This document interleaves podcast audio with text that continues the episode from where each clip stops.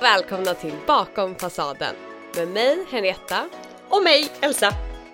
Bakom fasaden är din podcast om arkitektur, design och allt däremellan.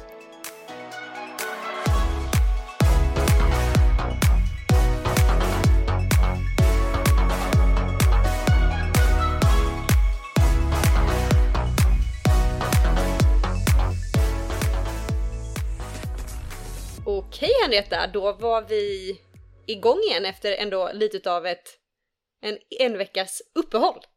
Precis. Ja, hur är läget med dig idag då?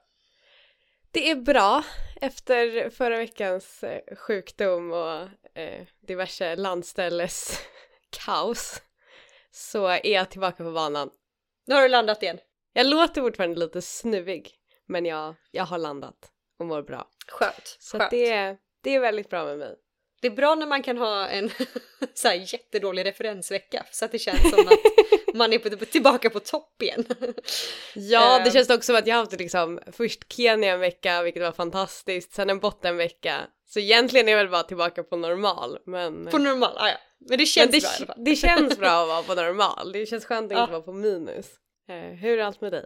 Nej men det är bra med mig. Jag eh, känner väl att jag, jag har varken haft en dålig eller en bra vecka. Jag bara ligger där konstant i mitten. Så, men förutom det så är det bra. Det, det blir ljusare efter i alla fall. Sakta men Det är ju säkert. alltid något. Det, det regnade liksom typ nerifrån idag på väg hem. Ehm, jag vet att jag lovade i förra avsnittet att jag var så trött på att klaga på vädret att jag skulle sluta med det men eh, here I am again. Ditt liv är liksom, eh, kvaliteten är beroende på vädret just nu. Fast det är det. Det var en dag förra veckan när det var strålande sol i lördags och jag bara kände hur livet kom tillbaka. Så att eh, jag tror det är det. Liksom veckorna får inte, det blir inte så skojigt för jag saknar solen. Så jag hoppas den kommer tillbaka snart. Ja, nej jag fattar det. Antingen det eller att du ska få en riktig pissvecka som jag hade så kommer du tycka att det är härligt även om det är Det är det, det är det jag ska ha. Antingen en jättebra vecka eller en jättedålig vecka. Ja, men det är bra. Det är så jag ska tänka när Jag önskar dig det kommer. värsta. Tack! Ja men det är bra. Det är, det är kanske så det blir. Vi får se.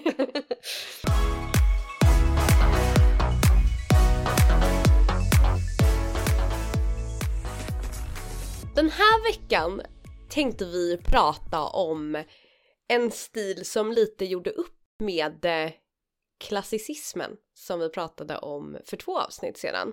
Det var ju kanske ganska många stilar som gjorde upp med klassicismen. Vi har ju ett avsnitt om funkis som definitivt blev ett stort stilbrott. Men den här veckan tänkte vi prata om jugend, eller även känt som art nouveau. Ja, så innan dess så ska vi också då tipsa om vår Instagram så ni inte glömmer gå in på den. För det bidrar ju ändå med lite mer utav en visuell upplevelse av det vi pratar om. Så gå in och kolla på Instagram på bilderna vi har lagt upp på Bakom fasaden podcast innan du fortsätter vidare i avsnittet. Ja, precis. Och nu då kan vi ju börja med då som vi brukar göra en liten faktaruta. Jugend är en, ja, det är både en arkitekturstil, inredningsstil, konststil som uppkom på slutet av 1800-talet, ungefär runt 1890 och varade ungefär till runt 1920. Det är en stil som har fått sitt namn av en tysk tidning faktiskt. Men det har ju då som Henrietta sa här lite tidigare också stilen har fått flera andra namn i andra länder. Så när man pratar om art nouveau till exempel så är det också, det är samma sak som jugend bara att det är så man kallar det i Frankrike. Och till exempel så kallas stilen i Italien då för stil floral, även om det inte då kanske är ett lika vedertaget begrepp som just då eh, jugend och art nouveau. Det man kan säga också då om jugendstilen är ju som Henrietta sa här att det är en reaktion mot lite av den arkitekturen som har varit och man ville frigöra sig från de här klassiska kompositionsprinciperna, de vi har pratat om då i klassicismavsnittet och istället började man göra utsmyckningar med mycket ornamentik som liksom utgick ifrån växtlighet, mycket slingrande linjer. Ja, men man ville helt enkelt börja med något nytt och det är lite därifrån till exempel då det franska namnet art nouveau, alltså ny konst kommer ifrån. Och även jugend Mm. som ju betyder ungdom på tyska tror jag. Ja, Också precis. att det ska liksom ja, komma upp med något nytt, något ungt, något fräscht. Slut på faktaruta. Nej men och där kan man väl säga att så här, det, det, det det blev, och det fanns ju andra stilar liksom då parallellt och även senare liksom som försökte bryta upp det här gamla. Och det är väl lite som vi varit inne på tidigare att så här, under 1800-talet sker det stora samhällsförändringar men stilarna förändras inte i samma takt utan de stilar som finns under 1800-talet är fortfarande repetitioner av gamla stilar. Det är liksom ny renässans, ny rokoko. Art nouveau eller jugend då är kanske den första stilen att komma och bryta upp med det här. Och den kännetecknas ju väldigt mycket av liksom inspiration från just naturen. Att det liksom var lampor som föreställde liksom blommor eller fröknoppar liksom. Ja, och vi är ju också i, även om det kanske är lite tidigare då än modernismen, så är vi ju i ungefär samma tidsålder. Alltså modernismen var ju också där början 1900-tal, så det är ju en tid när man vill, som du säger, bryta upp med på något sätt de tidigare sätten som du säger, alltså de klassiska sätten, de regler som har funnits, man vill, man vill skapa nytt. Det finns ett väldigt stort Mm. driv för det bara generellt. Det, det blir inte bara som du säger då eh, jugend, utan det finns även modernismen och andra, alltså det är mycket av den typen av strömningar på den här tiden. Precis, ja ja. Och det är väl också att det liksom har kommit nya material. En del av eh, jugendbyggnaderna eller liksom sakerna som skapades i den stilen kunde man nu göra liksom, eh, med, man kunde jobba med metall på ett annat sätt än man hade gjort tidigare. Man började jobba mer med betong och liksom kunna göra, alltså, ja men mycket mer flytande organiska former. Och det Som gick- inte hade varit möjligt tidigare, nej. Nej men precis. Och det gick ju väldigt väl i hand då med det liksom som stilen innebar som var liksom. Ja men det, det är ornamenterat och det har någonting klassiskt över sig men det känns ju samtidigt som någonting helt eget på grund av all den här liksom naturinspirationen som finns. Och Ja, alltså många fasader eh, på jugendbyggnader känns ju flytande. Alltså det känns ju som att de är typ stöpta snarare än huggna och liksom byggda på ett klassiskt liksom murat vis som byggnader kanske var tidigare. Ja men det är faktiskt en väldigt bra beskrivning som du säger, att de är... Man kan se på dem att de är gjorda med en ny teknik ändå. Att det är, det är Mm. inte det här... Det är inte lika rakt utan mer flytande som man inte hade då haft möjlighet att göra tidigare. Nej, nej verkligen. Och det är väl typ avsaknaden av rakhet som jag tycker... Jag vet inte, alltså för mig är ljugen liksom vackert men också lite så här skrämmande. Det är något suggestivt i liksom eh, formgivningen för att saker kanske då liknar liksom men som en skog som kryper över dig eller liksom eh, skelettdelar. Det känns Nej, lite som med. ingången till typ Pans trädgård eller något liksom lite obehagligt. Ja, och jag, tror, jag har nog inte tänkt på det så, men det stämmer. Men det jag har tänkt på och som är då, jag har bara inte översatt det till det, är att det liksom på något sätt är lite, det är lite klumpigt om man kan uttrycka det så. Alltså jag, tycker, jag, jag älskar Jugend så jag tycker det är en fantastiskt fin stil, men det finns någon liksom klumpighet och tyngd. Alltså det är inte så, vissa delar är väldigt nätta, men, men jag tror det är det här du pratar om det känns som att man nästan blir omfamnad av byggnaderna på något sätt. Alltså Ja. något som hänger. Alltså det är någon av den känslan, någon tyngd i det. Ja, och jag tycker nog inte det är inte enbart tyngd utan det är ju just den här omfamnad Mm. Just för att det är så mycket linjer som liksom, jag vet inte, vävs samman liksom och Mm. Ja jag vet inte, jag tycker det påminner om någon så här Bröderna Grimm historia eller liksom Ja, så här, sånt man Lite läser när man var barn. Ja. Ja. Men om vi ska ta bara lite typiska drag då. Alltså vad man ofta Ja. kan hitta i en... Om vi framför allt då pratar, nej inte bara utan inte bara i fasader utan även liksom i jugendstilen generellt. ja men precis, för det, alltså tidig jugend var ju mycket liksom, eh, tänker jag, typ konsthantverk och liksom keramik och så och där var det ju liksom kanske det först uppstod då att man liksom tog så här inspiration av frukter, fröhus, typ man kunde ha liksom lammfötter som såg ut som tallstammar. Men det var även inom liksom det grafiska och konsten mycket så här kvinnogestalter Mm. som liksom uppfyllde dåtidens ideal, att de var väldigt finlämmade och väldigt långsmala.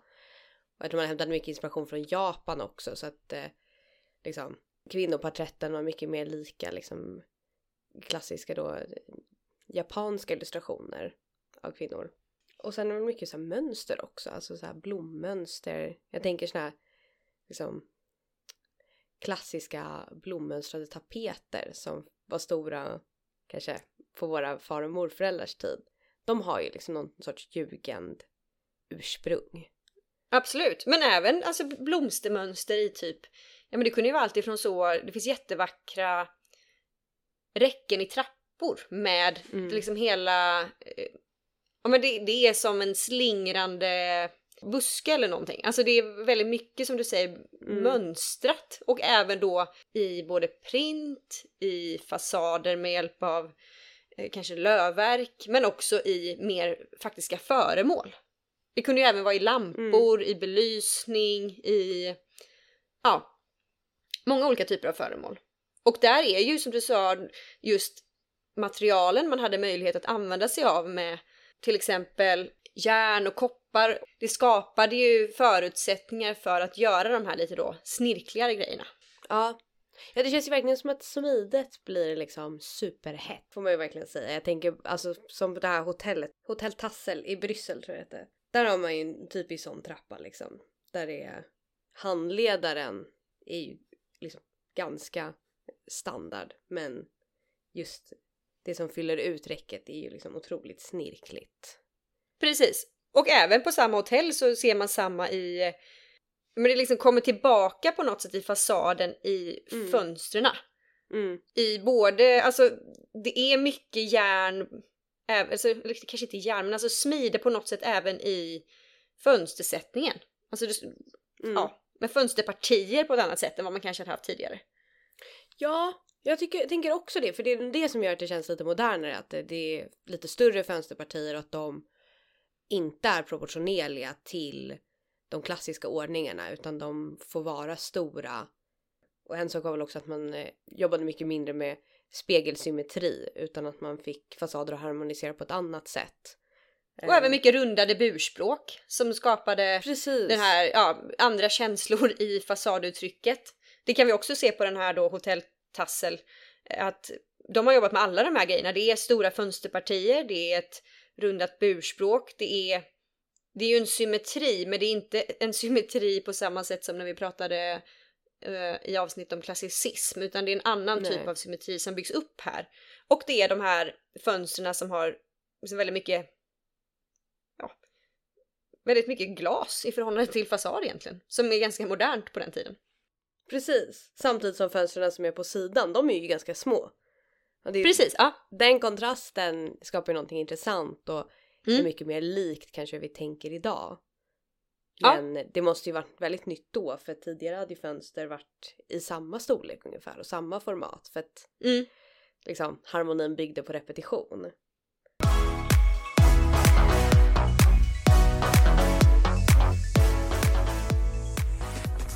Det är en stil som alltså, jag alltid har tyckt har varit lite svårplacerad i tid. För att det finns så mycket klassiskt över den samtidigt som det är någonting helt annat. Ja, det är väldigt mycket, det är, det är väldigt modernt på många sätt men det är också väldigt, eh, det är ofta lite typ och, och, åt vissa håll är det också lite galet. Alltså att man är så här, ja. det skulle aldrig byggas idag. Eller så här, det, Nej, det, det finns någon, en otrolig lekfullhet alltså ett stort exempel på den här tiden och den här epoken är ju Gaudi. Alltså och alla byggnader ja. han har gjort. Alltså det är en otrolig lekfullhet i hans byggnader. Ja, ja. Alltså om man kollar på så här Casa Batio, kanske man säger. Det är dubbel L. Det är ju helt otroligt. Alltså det ser ju ut som någonting från ja, en historia för barn liksom. För att allt är ju symboler för någonting. Alltså allt föreställer någonting i husets fasad. Ja, alltså det ser verkligen ut som typ där, eh, jag vet inte, en fe skulle kunna bo i en saga. Eller något annat, alltså det ser ut som en sagobyggnad. Ja. Det ser inte ut som någonting man skulle se i verkligheten. Och ändå tycker jag, när man ser de här i verkligheten, alltså de är otroliga att uppleva i verkligheten om man är i Barcelona och går förbi. Precis. Men det är ändå någonting med dem som... Och de, såklart de sticker ut men de passar ändå in på ett väldigt konstigt sätt. Ja, ja, nej det är inte alls lika Alltså nu om man går på gatan i Barcelona och så står man utanför Casa Batlló så kommer man ju veta om det för det är jättemycket turister utanför. Men Ja, ja. eh, jag vet att när jag och min syrra var där i somras då var det en liksom för Casa Batlló och Casa Mila är liksom de två kändaste i stan och de ligger på samma gata. Men så var det som att vi promenerade vidare för vi skulle till något tappaställe och då gick vi förbi ett hus som vi liksom bara hajade till lite över och bara men vänta det där är också väldigt organiskt liksom. Och då började vi Mm. googla och då var det också en eh, byggnad av Gaudi men som inte var lika känd och där är fortfarande liksom eh, men det bodde folk där. Det var liksom ett vanligt bostadshus så att eh, ja, det, det hade väl inte blivit någon turistmagnet liksom. Men då var det liksom, det stack inte ut egentligen eh, förrän man faktiskt kollade till liksom. Och det är väl det jag tycker att det liksom mycket av ljugen lyckas med och det är att det lyckas vara lekfullt, lite konstigt, lite sagolikt. Men utan att det är liksom en rosa borg. Mm. Alltså det, det, det förankras ändå i verkligheten, det passar ofta in i sin kontext och det man ser ju att det är äldre byggnader som har någon form av historia. Alltså det, det passar in där det är. Och det är väl bara samma sak med typ La Sagrada Familia, alltså typ La Sagrada Familia som då också är ritad av Gaudi, för de som inte vet, också med i Barcelona. Den är ju helt otrolig på många sätt. Alltså utsidan med sin ornamentik, alltså sina organiska former. ja. Och sen, men ännu mer otroligt tyckte jag var när vi, för vi var ju med skolan i Barcelona på, ut, under arkitektutbildningen och när vi då gick in i byggnaden så var det som att, alltså den var helt otrolig inuti. Jag tror inte ens att jag hade kunnat föreställa mig hur vackert det var och hur det inte såg ut som jag förväntade mig överhuvudtaget. Det här är ju verkligen inspiration av naturen. Det är ju som att det är träd som växer upp, vita stammar som tar sig upp och ja, den är helt otrolig Mm. faktiskt. Ja, och det kan man ju säga att så här, det här liksom eh, pelarstruktur där man liksom får pelarna att se ut som stammar. Det är ju väldigt typiskt ljugen liksom. Precis. Eh, sen är de flesta andra som gör det gör det inte på samma nivå kanske med samma, samma skala som Gaudi gör i La Sagrada Familia. Men, Nej, inte de flesta andra. Men, men just den där liksom eh, utsmyckning, utsmyckningen av eh, bärande konstruktion känns ju väldigt ljugande och just den här naturinspirationen. Men eh, Gaudi måste ju varit liksom ett geni. Det, det är ju otroligt att tänka att han har kommit på det här det är helt otroligt att tänka det. Om man ska vara ärlig. Men där måste jag ändå säga att jag förstod inte riktigt nog vidden av eh, La Sagrada Familias liksom storhet förrän jag såg den i verkligheten. Ja men det håller jag med om. det, det går typ inte att greppa. Framförallt insidan. Alltså den var... Det är nog en av mina typ största, om man kan... med risk för att låta som en otrolig nörd. Min, en av mina största arkitektoniska upplevelser, upplevelser i livet var när jag kom in där, skulle jag vilja Ja. säga.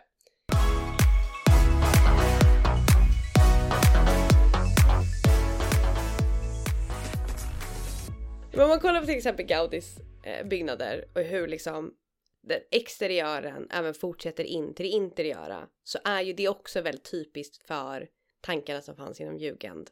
Att liksom det tog inte slut vid arkitekturen utan inredningsarkitektur, konst, konsthantverk hängde alla ihop. Och många arkitekter gjorde även inredningar och liksom konstnärer började jobba mer åt arkitekturhållet och skulptörer var också inblandade. Alltså att det blev mycket mer flytande mellan alla olika former av formgivning om man säger så. Ja, och det var ju, fanns ju också en tanke om att allt det här tillsammans skulle skapa en helhet. Alltså det var Precis. meningen att det skulle bli en komposition som bildade då en helhet. Man skulle inte se dem som var för sig heller. Nej, nej, nej, verkligen.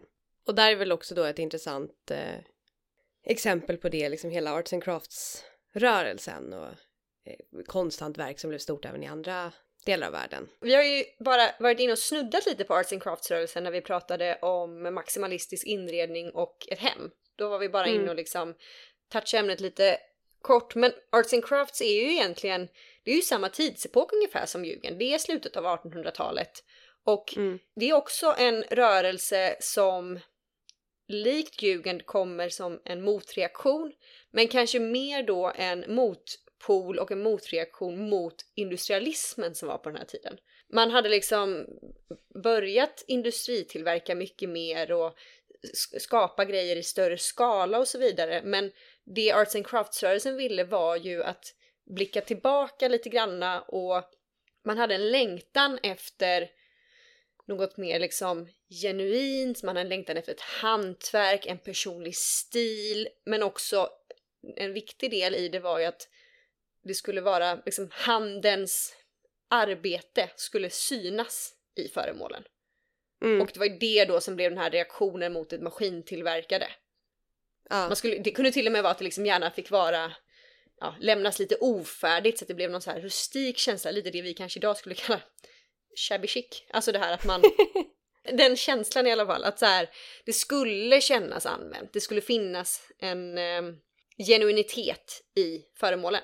Men samtidigt var det ändå, man får ju också komma ihåg att det var under samma tid, alltså nu pratar vi slut 1800-tal, vi är ändå ganska nära modernismens tid när man pratar mycket form och funktion. Och det är ju också Mm. viktigt för arts and crafts-rörelsen. Det var precis som i eh, modernismen att det var liksom viktigt att eh, materialens att man var ärlig med materialen, att man visar konstruktionen. Men då till skillnad från kanske modernismen och det var ju att man också skulle dekorera. Alltså vår Ja. estetik och funktion, så form och funktion skulle gå samman och vara ett. Ja, precis. Ja, och det är väl liksom under den här eran som liksom mötet mellan form och funktion börjar diskuteras. Precis. Vilket sen kommer att bli liksom någon sorts ledmotiv för modernismen, men det är inte sprunget ur modernismen, det är sprunget ur de tankar som finns under Jugend och Art Nouveau. Liksom. Ja, och den stora skillnaden blir väl då, framförallt mellan arts and crafts och modernismen, är att båda utgår ifrån på något sätt form och funktion, men modernismen har ju ändå en, ett mål att liksom vara modern då, använda sig av industriell, alltså av industrialismen, använda sig av de nya moderna teknikerna, gärna massproduktion. Det är liksom där den stora delningen blir mellan de två rörelserna. Men jag tänker typ som när vi pratade om Karl och Karin Larsson, liksom, mycket av hennes typ väggbonader kändes ju väldigt arts and crafts. Exakt. Och det var väl också att det skulle vara mycket naturmotiv, det, för det är ju samtid och det är väl nästan en del av Jugend liksom. Och, och då finns det samma liksom fascination för flora och fauna och kanske mycket lokal flora och fauna som jag har förstått det. Precis. Men som du sa, precis, precis som i ja, men så är det ju också mycket både då man hämtar inspiration från naturen men natur eh, liksom dekorationer. Det är också viktigt att ja, men typ kanske vara ärlig med materialet som jag sa, man visar träets ådring, det är mycket handgjorda detaljer, men också geometriska mönster. Alltså man använder mycket så här kvadrater, rektanglar och det Mm. tycker jag kanske just det här med mönstren är ju en väldigt tydlig det jag främst tänker på nästan och en av de som var liksom mest tongivande under den här perioden var ju William Morris. Mm. Jag tänker ju då att jag sa i avsnittet om maximalism att om folk har mönster hemma så har de, är det svenskt tenn man har. Eh, då skulle jag kanske vilja lägga till att har man inte det så kan man ju då ha en mönstrad tapet från William Morris för de känns som att de har varit väldigt populära de senaste åren.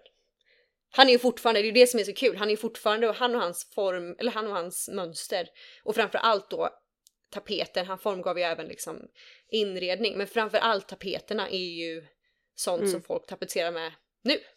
Vilket är väldigt kul. Ja, ja de är ju verkligen eh, mönster man känner igen. Och de känns ju väldigt brittiska. Jag tänker på den här uh, butiken i London, Liberty of London. Har du varit där? Ja. Ja, Jag vet vilken det är.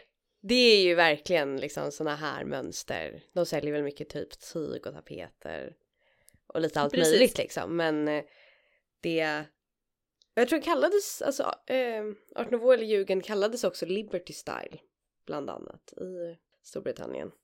Det man, jag tycker man kan se de här tapeterna framförallt om man kollar på typ William Morris och den här mönstringen är ju också färgerna som man använder sig av. Mm. Alltså både Jugend och då Arts and Crafts, det är ju ganska, det kan vara för mycket färg men det är ganska dova färger. Ja precis, där känns det ju som att den här naturinspirationen återkommer. Eh, och kan man tänka att så här, trots att det liksom typ grafiska är väldigt liksom mycket så blir inte Mm. färgerna lika mycket utan de är ändå lite nedtonade som om man hade tagit liksom riktiga pigment från växter typ. Och använt sig precis. Det är ju väldigt stor skillnad då från istället de här mönstren vi pratar om när vi pratar om Svenskt Tenn. Där är ju ofta väldigt mycket kontrast, det är starka färger. Mm. Här är ju väldigt lite kontrast egentligen. Alltså Ja. det går ihop mycket ton i ton. ja men precis så att det är liksom lite så här ockra, eh, inte, typ, dovgrön, alltså så här verkligen växtpigment tycker jag liksom.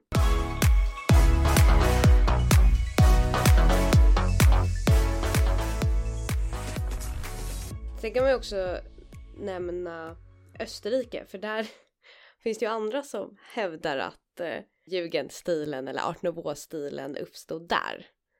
Och där fanns det ju liksom, ja men i, i Wien då liksom under tidigt 1900-tal så bildas det liksom ett, eh, en grupp som heter Wiener Sexsession. Sexsession? Jag vet inte hur de uttalar Spexigt namn. Ehm, men de liksom motsatte sig den rådande konstpolitiken och hade liksom också samma idé att de ville förena konst och hantverk. Ehm, och där fanns det då liksom eh, en känd formgivare som heter Josef Hoffman som liksom var väldigt framstående. Och även i Skottland så bildades det liksom en form av jugend som för både Österrike och Skottland var liksom ganska strama i den formgivning de gjorde jämfört med kanske då vissa av de, ja men Gaudi till exempel som är kanske en ytterlighet åt andra hållet då. Precis, ja. Och då är en väldigt känd formgivare Charles Rennie Mackintosh som har gjort liksom en hel del inredningar som är Alltså det ser ju absolut ut som jugend men det är ändå mer kanske då geometriska former inte lika snirkligt. Han har gjort lite både och liksom men eh, Men det är ändå någonting liksom... Vad ska, det, jag tror det är lite mindre tungt, eller vad man nu ska säga, det här överhängande som vi pratade om innan. Och Mm. lite mer nätt, men det är fortfarande samma typ av bölj, lite böljande former. Jag vet inte, det, det är som du säger, det är en väldigt ty, tydlig liksom, jugendkänsla, men det är ju långt ifrån då Gaudi. Ja men precis och kollar man liksom för han, alltså Macintosh, de stolar han har gjort. De är ju inte särskilt böljande, de är snarare ganska liksom eh, rätlinjiga. Och, och påminner ändå lite om det som kommer komma senare. Ja, de får man ju nästan, alltså, de är väl ändå gräns för att man mer får kalla för någon form av modernistisk stol, eller? Men jag tror att de räknas som jugend ändå för att liksom... De gör det, okej. Ja, för mycket av möblerna som var i träd, de var också sådär lite grövre. Mm. Ehm, för där hade man väl inte kanske samma, jag vet inte, hantverksskicklighet och kunde göra lika smäckra möbler. Eller så vill man ha en viss tyngd. Ja, Så att det, det, det är nog ändå liksom jugendstil men en, en otroligt liksom mycket stramare och striktare variant. Och det är samma med han eh, österrikan Hoffman. Om man kollar på liksom de byggnader han har gjort så är de också något som drar åt det liksom mer modernistiskt strama. Men Mm. han räknas också som liksom en tidig jugend formgivare. Nej, men, och där blir det väl liksom att så här, det här är en av de första reaktionerna på de tidigare historiserande stilarna. Och därför blir Mm. mm. inte gränsen helt tydlig mellan vad som sen växer vidare och blir modernism. nej men det är nog sant. arkitekter Mm. som är jugendarkitekter till en början och sen efter första världskriget när jugenden lite dör liksom. Mm. Då intresserar de sig för modernism. Och då kanske det var tankar de redan hade börjat liksom testa inom ja. jugendform. Nej och det är ju så, alltså så är det ju med allt. Det är ju inte, det kommer ju, idéer kommer i vågor, man testar sig fram. Det är inte som att man en dag går från att ha ritat klassicistiskt till att bara köra jugend och sen nästa dag så är det modernist. Alltså det, det finns ju hela tiden en flytande gräns mellan alla de här delarna. Ja, verkligen. Och det som också är intressant att tänka är att det är ganska korta tidsspann vi pratar om. Alltså om man säger Verkligen. att jugend uppstår kanske på vissa ställen redan under 1880-talet men framförallt under 1890-tal, sekelskifte. Mm. Och sen så pågår det liksom långt räknat till 1920 men de flesta tänker ändå att det liksom lite dör ut med första världskrigets start eh, 1914. Det är liksom ungefär 24 år som det liksom är trendigt. Nej, jämfört med de arkitektoniska liksom, cyklerna som har varit innan och hur man har byggt så är det ju otroligt korta cykler som vi pratar om här i den här tidsepoken. Ja, precis. Och jag kan tycka att så här, eh, hur arkitekturen ser ut idag i Sverige, liksom, sker det så stora förändringar i trender på tio år? Det gör det typ inte. Jag kan tycka att så här 90-talsarkitektur känner jag igen, men jag ser liksom inte riktigt skillnad på det som byggdes 2011 och idag alltid. Men finns det inte? Jag tänker typ Bo 01, inte det ungefär från den tiden? Eller Men så det här, är ju typ från tidigt 2000-tal, alltså 00. Ja okej, mm, nej men det är nog sant. Det kanske är mer, för det, det, där tycker jag man kan se en väldigt så här distinkt stil. Men det är väl också för att vi har liksom behållit, jag tänker så här, sen modernismen kom till idag så har vi inte, reaktionerna på vad som har varit har inte varit några stora reaktioner. Vi har liksom hållit oss inom ganska liknande ramar. Det har inte varit så, det känns typ som att så här, att bygga i Corten var en av de stora, så här, här nu ska vi bygga i Corten, det blev stort. Men Ja. Men rent liksom så här stilmässigt, eller typ nu har det blivit väldigt så då trendigt att göra mönster i tegelfasad. Alltså man kan hitta Ja. liksom den typen av grejer. Men det känns inte som att det är inte så att det kommer stora strömningar på samma sätt. Vi har hållit oss mer inom en och samma ram de senaste typ hundra åren. Ja, det är ju inga liksom tydliga stilbrott som jugend är mot det som är innan och modernismen är jätteolik jugend trots att den kommer liksom fem, Nästan tio år samtidigt. senare. Alltså ja det, liksom, precis. Ja. det där skulle jag vilja se nu. Jag vill se Nästa någon stora liksom, epok. Ja men den som hittar på en ny jugend liksom.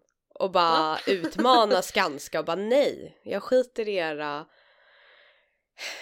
färdiga betongelement. Nu ska vi ha, jag vet inte, frökåpor heter? Frö. Men jag kan hålla med och framförallt den här liksom för nu har vi pratat, det här har ju varit i, alltså det är ju flera olika länder och där man har haft samma känsla, alltså där det är flera personer som har velat liksom göra en förändring, man vill gå tillbaka till natur, alltså det här kollektiva i att vilja bryta upp med det som varit och komma på något nytt. Det, Mm. det känns också som att det saknas lite idag. Ja, ja, nej men absolut. Och det är ju snyggt också hur liksom, vi var lite inne på det grafiska och tapeter, men liksom det finns ju fantastiska liksom typ affischer från liksom jugend art nouveau-tiden. De har typ exakt samma typ av snirklighet och liksom eh, växtskälkar typ som trappräckena har eller som balkongräckena har eller skyltfönster har. Alltså Ja, ja. det är sällan idag man ser... Och färgskalan. Det är sällan idag Ja. man ser liksom en byggnad ha samma grafiska profil som en affisch. Om det inte är en affisch som gör reklam för byggnaden. Nej, ja, men absolut, jag håller med. En det var större än bara arkitekturen också. Alltså det var ju mer Ja. än det. Ja men det var det ju och det är väl det liksom som eh, är, är väl det man vill nå åt och, och det är ju klart även namn liksom Art Nouveau var ju typ Mm. utifrån något eh, konstgalleri i Paris som ställde ut den här nya konsten. Jugend var namnet på en eh, tidning i Tyskland så att Mm. stilen är ju inte sprungen kanske heller ur arkitektur. Den är ju sprungen ur konst och kanske mer ett grafiskt uttryck och arts and crafts rörelsen liksom. Ja, men tror du inte vi idag har för stort behov av att bara göra så här? För jag tänker så här. Det som gör de här stilarna så stora och att det blir så tydligt är att det fanns en kollektiv känsla av att man ville göra en förändring och att man så här, det var flera som var inne på samma idé. Idag känner vi Mm. har liksom så stort behov av idag att göra så här udda grejer. Eller så här, det ska sticka ut. Vi har inte gjort det här innan. Man ska vara nyskapande. Alltså, men man vill aldrig vara nyskapande på samma sätt som eh, den bredvid mig är nyskapande. Utan det ska vara, förstår, alltså det är det som Ja. kanske motverkar att vi kan skapa en ny stil på samma sätt som man gjorde förr. Jag vet inte. Ja, kanske. Jag vet inte, för jag kan tycka att så här, kollar man på till exempel grafisk design så går det väldigt tydliga trender. Ja men det gör det. Eh, Mm. Vissa tar, är det minimalism, sen är det maximalism, det ska vara Mm. mer, det är olika typer av färgskalor. Sen kan ju folk ändå ha olika grafiska profiler, men det finns en Mm. övergripande liksom, trend som ändå är ganska tydlig att se om man tar ett steg tillbaka. Och det där känner jag att jag saknar lite i arkitekturen. Sen är kanske arkitekturen så stor och världsomspännande att det liksom ibland är svårt att säga att ah, allt kan inte vara en trend liksom. Nej, Men nej, nej. jag hade velat se lite mer gemensamma trender och jag undrar om det kommer komma, nu är vi inne i en liksom kris. Det är lite Mm. pengar, byggindustrin lite lägger ner. Det, det är inte helt omöjligt att när det kör igång igen att det då finns en gemensam lust att liksom bryta upp med det gamla. Nej, men det tror jag. Och jag, det känns ju som att det också finns mycket, ja men som du säger, man, liksom, man är inte helt nöjd med hur det görs just nu. Det finns ju ändå lite av det här att det, det gror Mm. i många, att man vill att hur ska vi kunna göra det bättre? Det finns ju där. Precis, ja ja, och jag tror att det här, jag tänker så här, covid, eh, otroligt liksom jobbigt för många, hela världen stängde ner. Det, det var liksom så 20-talet startade, många Mm. dog, många blev sjuka liksom. Och sen har man liksom haft en nedgående ekonomi, krig i Europa, krig Mm. i Gaza och Israel. Alltså så här, folk tycker att det är väldigt mörkt just nu. Mm. Både på ett personligt plan, kanske ekonomiskt, men också för att de ser vad som händer i världen. Och det är det som också påverkar världsekonomin. Så att det, det, jag, jag har en stark känsla av att så här, det, det, det där kommer ju innebära sin motreaktion där folk är så här, vi måste, vi kan inte bara deppa ihop, vi måste hitta ett nytt sätt att liksom använda vår kreativitet för att få saker att kännas bättre. Det, och lite som så här inspiration, då, eller inte inspiration men lite lik kanske då arts and crafts-rörelsen så finns det ju, man kan ju känna att det ändå finns tendenser i det här, alltså gå tillbaka lite mer till det ge- genuina och då känns det som att folk idag kanske mer pratar om så här, inte ha mobilen utan man ska ja men Mm. läsa en bok. Alltså eh, det finns, Mm. man vill gå tillbaka till en tid innan, om då arts and crafts var innan liksom industrin så känns det som nu då innan teknologin. Inte att vi vill leva utan tekniken på något sätt men att man, man Mm. strävar ju ändå lite tillbaka till Alltså typ, det känns som att vi har tagit så hundra steg fram och nu är vi så, vi vill ta några steg bak och liksom hitta en balans i hur vi ska hantera saker. Ja men verkligen. Alltså det är ju lätt att romantisera någon sorts tid innan ja, skärmar liksom. Ja, ja, gud. Det känns lite hemskt men jag kan ibland, jag, min mamma har ju en massa gamla flickböcker från 60-talet som ligger ute på landet som jag ibland slöläser för de är så himla mysiga. Och då Mm. kan jag verkligen bli så här bara, gud vad härligt det verkade vara på 60-talet. Och man bara, det var ju fruktansvärt på 60-talet. Alltså som kvinna har du ju det hundra gånger bättre idag liksom. Fast det tänker jag på, jag har ju precis kollat på The Gilded Age. Det är ju från, ja det är väl typ slutet uh, 1800-tal i New York.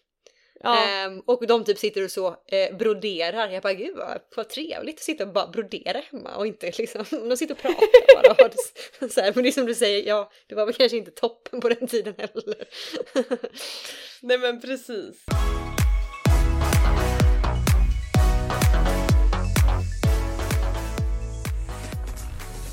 Jag tänkte att vi kanske ska bara få gå tillbaka lite till eh, Jugend. Vi förklarade ju precis att det namnet kommer från en eh, tysk tidning och att vi i Sverige kallar det för Jugend är ju av den anledningen för att Sverige alltid har varit liksom närmare då Tyskland handelsmässigt än eh, då Storbritannien och Frankrike. Så att eh, både i, liksom, jag tror i hela Norden kallas stilen Jugend och det gör den även i liksom Baltikum. Och i Sverige hade vi också liksom en del framstående jugend arkitekter och jugendarkitektur. Jag tänker ett exempel som jag direkt tänkte på när vi liksom började diskutera det här ämnet var ju ett hus på Clemenstorget i Lund. Vilket är precis där jag bodde när vi pluggade där nere. För Clemenstorget i Lund är liksom, det är precis där man kliver av centralstationen. Så om man kommer till Lund är det liksom ett av de första husen man möts av. Och det är ju liksom, det är verkligen ett klassiskt bostadshus. Men det är också Väldigt ljugen. ljugen. Och Ja. det är liksom de här typ bågformade fönster där man har liksom en eh, indelning i den övre delen för att kunna lufta. Men Mm. liksom inte lika mycket indelning i den nedre delen. Och det är ju väldigt så här, typiskt liksom jugendstildrag.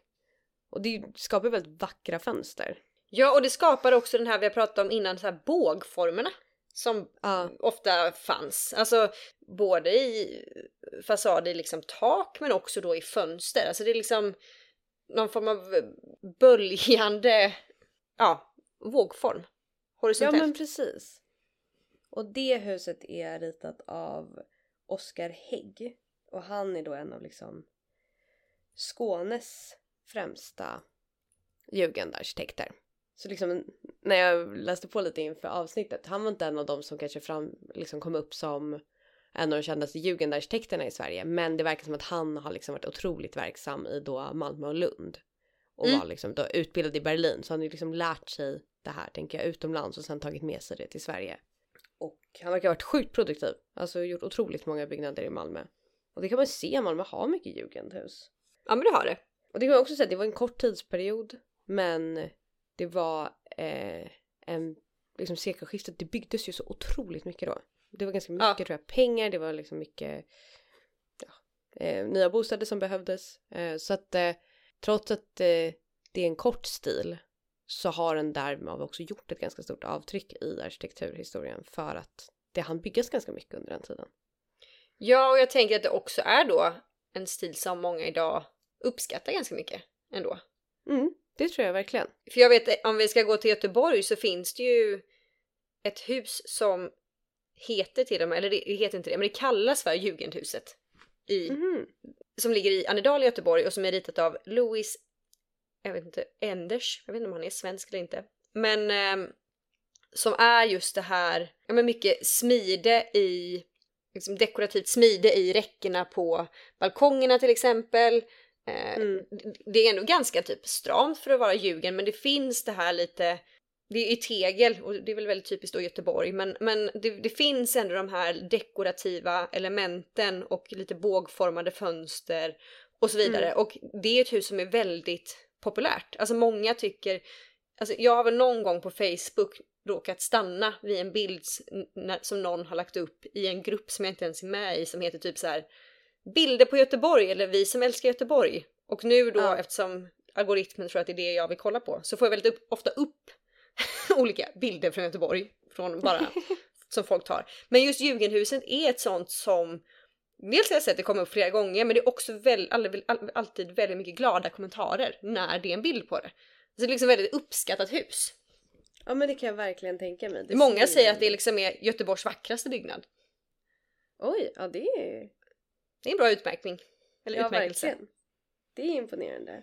Men sen skulle jag vilja säga i Sverige också att det kan man ju märka framförallt om man som jag gillar att hänga på Bukowskis och kolla möbler, även om jag nästan aldrig köper något. Så finns det ju mycket möbler. Alltså, alltså mycket svensk design i jugendmöbler. Ja, verkligen. Och det jag tycker är kul med jugendmöbler i förhållande till kanske men det är att de har den här, dels är det ofta lite mjuka former, det är, kan vara lite ornamentik i form av bladverk och så vidare, men det är också någon form av, precis som vi diskuterade i byggnaden, någon form av lite klumpighet. Alltså de är inte, Ja, Jo men om man jämför det med typ Swedish Grace som vi pratade om i avsnittet om klassicism så finns liksom i Swedish Grace är det en annan nätthet i allting. Det är, lite, det är dekorativt men det är liksom väldigt, det är nätta möbler, lätta möbler. Jugendmöbler har en annan liksom tyngd, de ser ut att liksom, de står, de står ordentligt på, på golvet på något sätt. ja precis och det är ju lite det här med att så här, äh, benen till stolarna de ska liksom gå ut. Så att det ser ut som att de liksom växer upp i golvet typ. Istället för att ha ett smalt avslut som jag skulle säga ändå är ganska vanligt för stolar. Så saker landar. Ja, nej de har en helt annan tyngd. Men jag tycker det är spännande för att allt smide är så himla smäckert. Ja, Och sen är liksom möbler och inredning så himla tung på många sätt. Lampor kan ändå vara ganska smäckra och ha liksom smäckra lampfötter och sen en lite tyngre krona. Ja, men det finns verkligen något... Eh, alltså, klumpigt är väl, det låter ju väldigt fult. Jag tycker det finns en charm i jugendmöbler. Sen kanske inte möblerna från den här tiden alltid är mina favoriter. Alltså jag tycker arkitekturen är mer intressant än vad möblerna är. Men Mm. det är mycket fint ändå. Nej men det håller jag med om.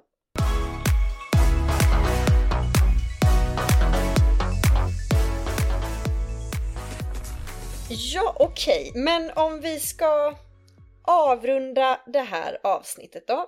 Vad, vad känner du att du tar med dig från idag? Alltså det känns ju som att det finns en risk att upprepa sig för att vi också haft ja men till exempel funktionalismen som också är lite samma typ av stil. Mm. Så växer det eh, upp som ett motstånd mot en tidigare stil. Mm. Och jag känner lite samma sak som jag kände efter att ha läst på om den. Att så här, vilken spännande tid liksom att vara fri. Ja. Men jag tror att jämfört med modernismen, det är inte lika mycket tankesättet jag tar med mig som faktiskt kanske ren inspiration. Alltså jag tycker, särskilt när man kollar på det grafiska men också mycket på byggnaderna, att man faktiskt skulle kunna hämta inspiration från element i som är typiska jugendelement. För då, jag tror att de till skillnad från kanske på en klassisk byggnad och hämta någonting och sätta i en modern kontext. Det är lite svårt men jugend har ändå lite brutit sig loss från det klassiska nog mycket för Mm. jag tror att vi skulle kunna ta element från det och faktiskt applicera på samtida byggnader utan att det kändes påklistrat eller som en pastisch. Ja, nej men det kan jag hålla med om ändå. Så det hoppas jag ta med mig. Jobba lite mer Mm. snirkligt, jag vet inte. Ja. Bli kompis med någon duktig smed så jag kan eh, göra sjuka räcken. Ja, nej men så det känner jag väl att jag tar med mig. Jag gillar färgskalan också, den, den kan jag tänka mig att inspireras av framöver. Mm. Ehm, vad, vad känner du Elsa? Hur, vad, vad tar du med dig från, från Jugend? Men jag tycker det är lite svårt att säga vad jag tar med mig för att jag tycker att det är en... Alltså jag tror mest på att jag tyckte det var väldigt kul att läsa på och känna att jag får lite mer faktisk kunskap om stilen. Alltså Mm. det, det känns som en stil jag så här har vetat om eller vet om och vet på ett ungefär eller jag kan så säga att mm, den byggnaden är nog jugend. Mm. Men det har känts kul att läsa på lite mer bara och få mer kunskap om det men också jag blir väldigt inspirerad av alla mönster. Jag tycker det är väldigt kul med det och hur mönstren då som vi sa kan gå alltifrån typ trappräcke till tapet till fasadornamentik. Alltså jag tycker det är Mm. kul att se stilen som någon form av helhetsgrepp. Lite som du sa, att det till och med går in i någon form av det grafiska. Alltså Mm. det tycker jag känns väldigt roligt med den här stilen och lära sig mer om det men också ja men kanske inspireras av och det blir nästan lite som att så här när man designar att ta det ett steg till. Alltså så här, vad kan jag, vad, är, vad kan jag mer använda mig av i det här jag har gjort precis och hur kan jag inspireras av fasaden jag har gjort och göra en möbel. Alltså Ja. helheten på något sätt tycker jag är väldigt kul. Ja, nej men verkligen. Det, det håller jag med om. Det, det finns ju verkligen mycket inredningsinspiration att hämta i jugend. Till skillnad från vissa andra Mm. stilar. Och det är ju väldigt roligt. Ja men det är det. Sen måste jag lägga till, för det här har vi glömt och det här är någon riktig jugend masterpiece. Alla tunnelbanenedgångar i Paris. Just det! Ja, nej, de får man inte glömma.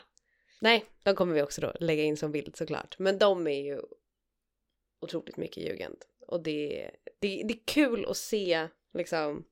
Det är sånt saker man vill ta med sig. De är ju funktionella absolut men formen har ju tagits fram för att vara någonting annat. Du ska känna dig typ som att du står under ett daggdroppe liksom. Inte en vanlig glasbox som tunnelbanenedgångarna i Stockholm är liksom. Nej, och också så här kul att utsmycka och göra något extra av en så vardaglig grej som en tunnelbanestation. Precis. Och till och med texten är ju liksom, det står ju Metro med liksom Snirklig text ja. Mm. supersnirklig text, den är väldigt speciell. Så ja. Nej, de är kul och bra exempel på jugend.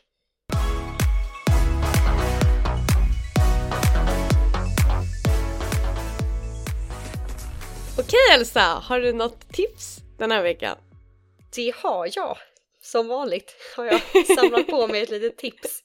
Eh, men jag tänker nu är det ju bokrea, eller jag tror den fortfarande är igång va? Det kanske är slut när det här Eh, avsnittet Den, släpps. eh, oj, ja jag vet faktiskt inte hur länge den håller på. Den var idag, för jag var inne på Akademibokhandeln och det var kaos. Ja, den börjar väl typ 20 så det var ju väldigt nyligen. Ah, ja.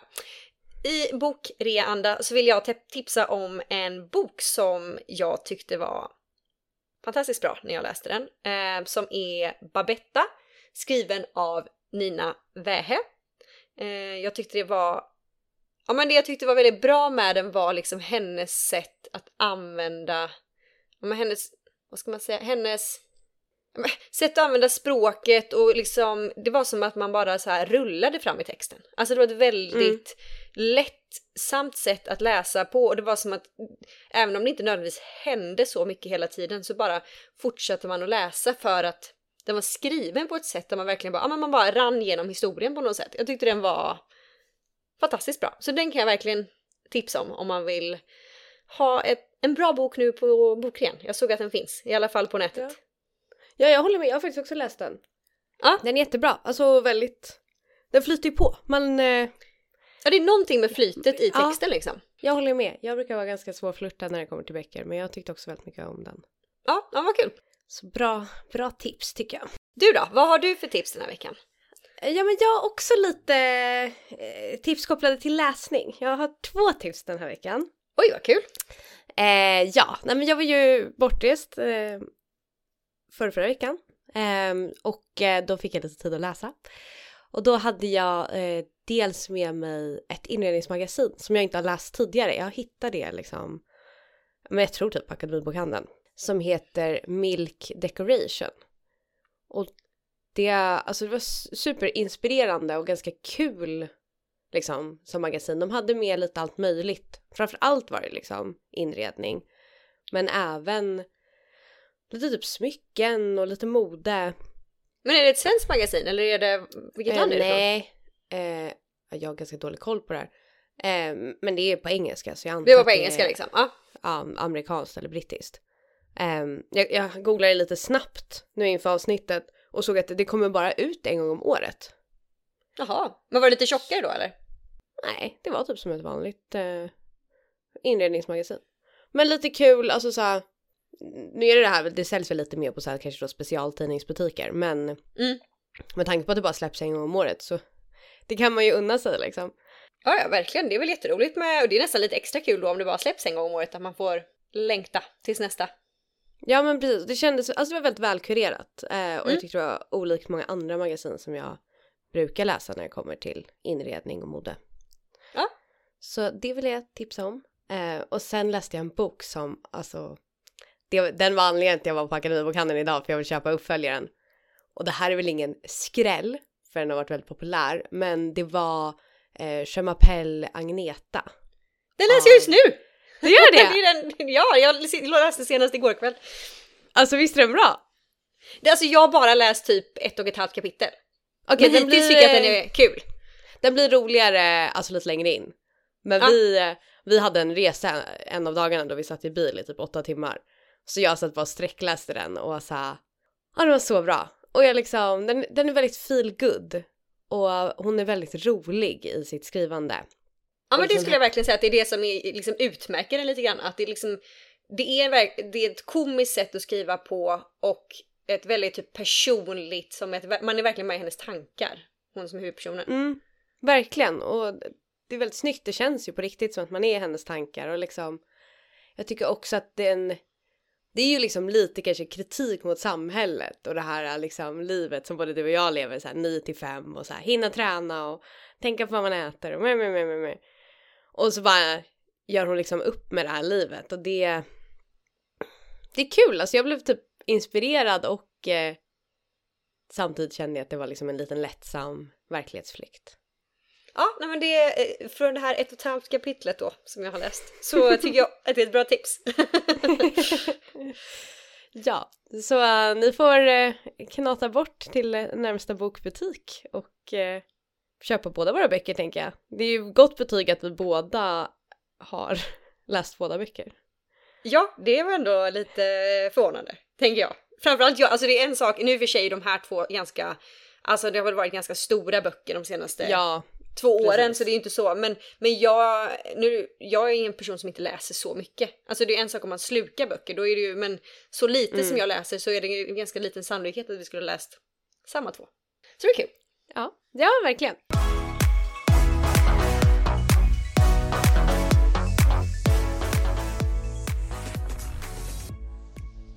Ja, men då får vi väl avsluta den här veckans avsnitt och påminna er om igen, gå in på vår Instagram.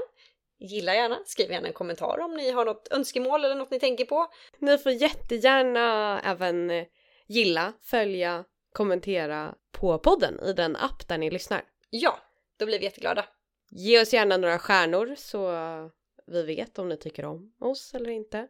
Det hjälper oss också att nå andra lyssnare så det vore jättekul om ni vill göra det. Ja, så till nästa avsnitt om två veckor så får ni ha det så bra så hörs vi. Ja. Hej då! Hej då!